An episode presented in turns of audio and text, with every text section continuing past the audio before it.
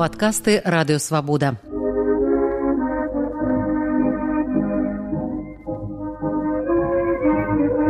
Сто гісторый пра БНР з Сергеем Шупам.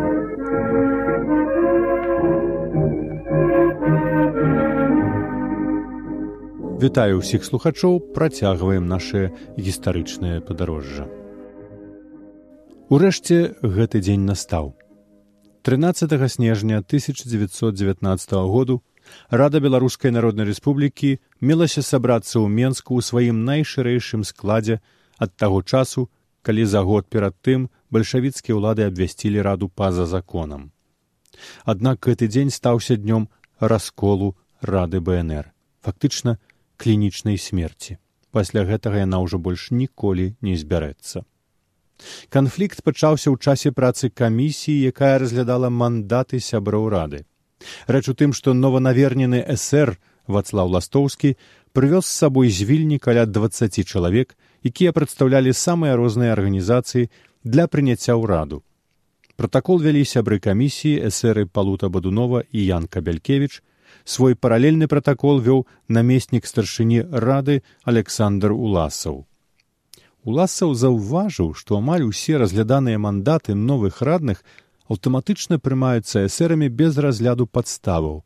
Свайго боку эсэры запратэставалі супраць вядзення паралельнага пратаколу і адмовіліся паказаць уласаву зацверджаныя мандаты. Старшыня сходу сакратар рады бнр сф крычэўскі бачачы куды хіліцца справа прыкрыў сход камісіі.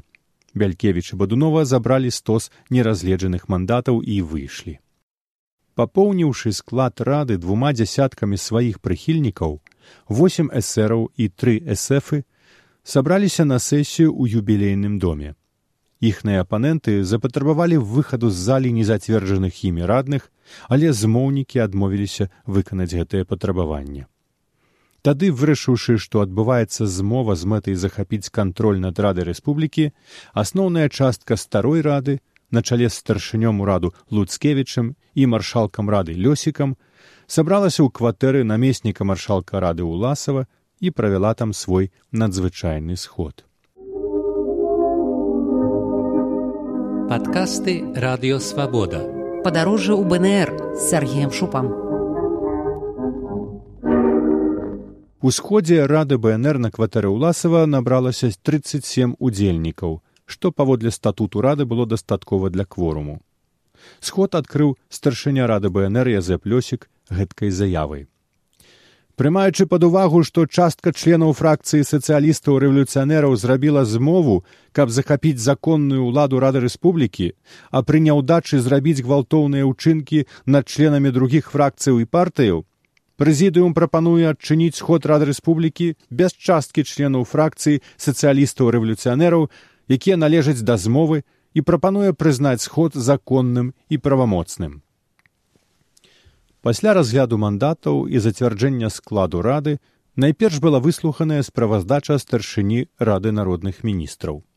Антон Луцкевіч падрабязна выклаў вынікі замежна палітычнай дзейнасці ўраду за апошні год, адзначыў поспехі, спаслаўся на перашкоды і ў канцы заявіў, што дзяржаўная праца настолькі яго змарыла, што ён толькі чакае моманту, калі б мог здаць сваю працу іншай адпаведнай асобе.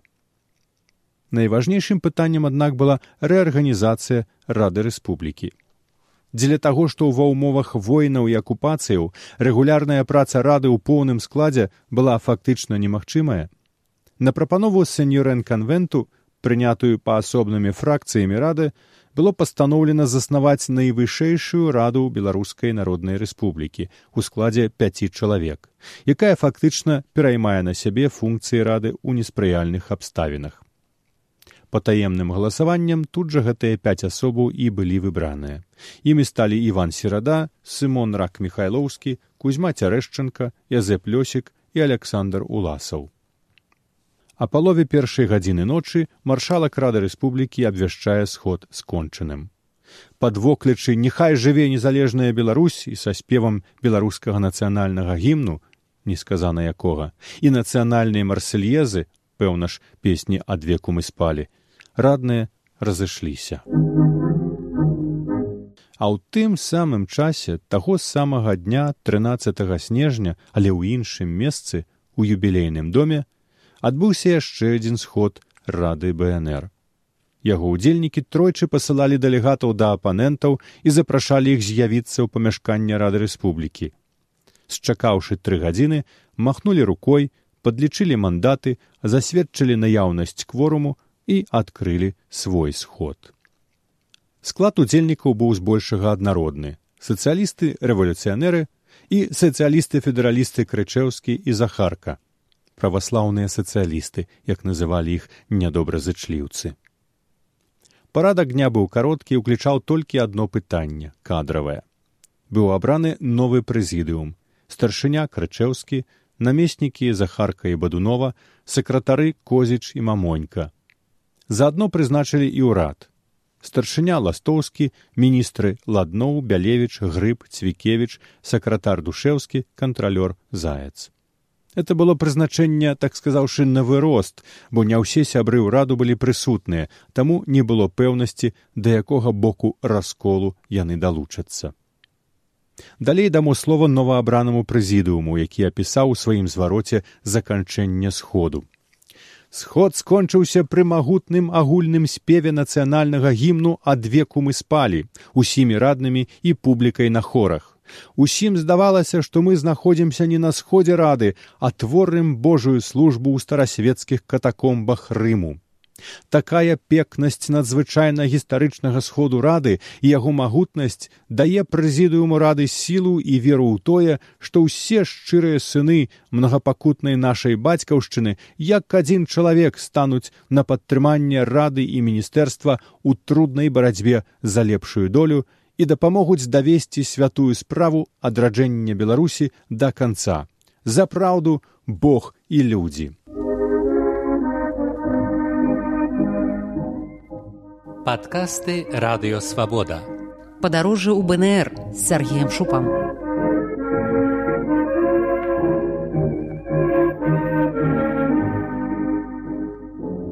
Наступнай раніцай пасля Божай службы ў старасвецкіх катакомбах Рыму Ластоўскі і Захарка праз тэлеграфіста беларуса, знаёмага мамонькі, паспелі разаслаць тэлеграмы пра пераварот у дыпламатычныя прадстаўніцтвы бнр у берліне парыжы празе рызе і коўне тэлеграфіст спачатку іх выслаў і толькі пасля перадаў тэксты польскім уладам для атрымання дазволу. Тыя дазволу не далі і былі пэўныя што тэлеграмы ўдалося затрымаць пра што і паведамілі найвышэйшым калі выявілася што паведамленне трапіла ў замежны друк тэлеграфіста затрымалі і пасадзілі. Тэлеграму са сваёй версіяй падзеяў разаслаў на тыя самыя адрасы і антон луцкевич стары кабінет застаўся кропка рада абрала найвышэйшую раду пяць чалавек перадала ёй мандаты раз'ехалася кропка адначасна ластоўскі крычэўскі захарка бялевіч бадунова мамонька ствараюць самазвана новы ўрад выступаюць незаконна ад імя рады кропка. Інтрыга гэтая была сплеценая эсэфамі ў берліне з удзелам варонкі упэўнены луцкевич на першым пасля перавароту паседжання рады народных міністраў захарка міністр фінансаў заявіў што сход на якім ён быў прысутны абраў новы ўрад што ён лічыць урад луцкевіча неправамоцным і слухацца яго не збіраецца што надалей лічыць сябе міністрам фінансаў і ніякага справаводства і грошай нікому здаваць не плянуе На гэта астатнія міністры на чале з прэм'ерам адказалі, што захарка быў на памылковым сходзе, які быў прыватным сходам групы бальшавіцкі настроеных членаў фракцыі сацыялістаў рэвалюцыянераў і сацыялістаў федэралістаў і ніякага грунту лічыць сябе правамоцным сходам рады рэспублікі не меў было пастаноўлена зняць захарку з пасады міністра і скарбніка распачаць супраць яго судовую справу і ўчыніць усе крокі дзеля атрымання ад ужо былога міністра дзяржаўнай касы і справаводства пачала сваю працу найвышэйшая рада. На першым сходзе старшынём быў абраны янка серада. На другім антон луцкевич падаў заяву аб адстаўцы заяву не толькі што адхілілі, але да абавязкаў кіраўніка ўраду і міністра замежных справаў дадалі яшчэ апусцелыя пасля захаркі крэсла міністра фінансаў.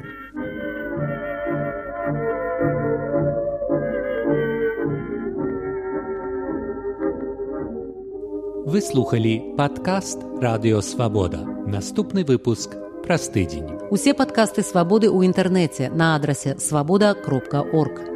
Штодня у любы час у любым месцы, калі зручна вам. Свабода кропка орг. Ваша свабода.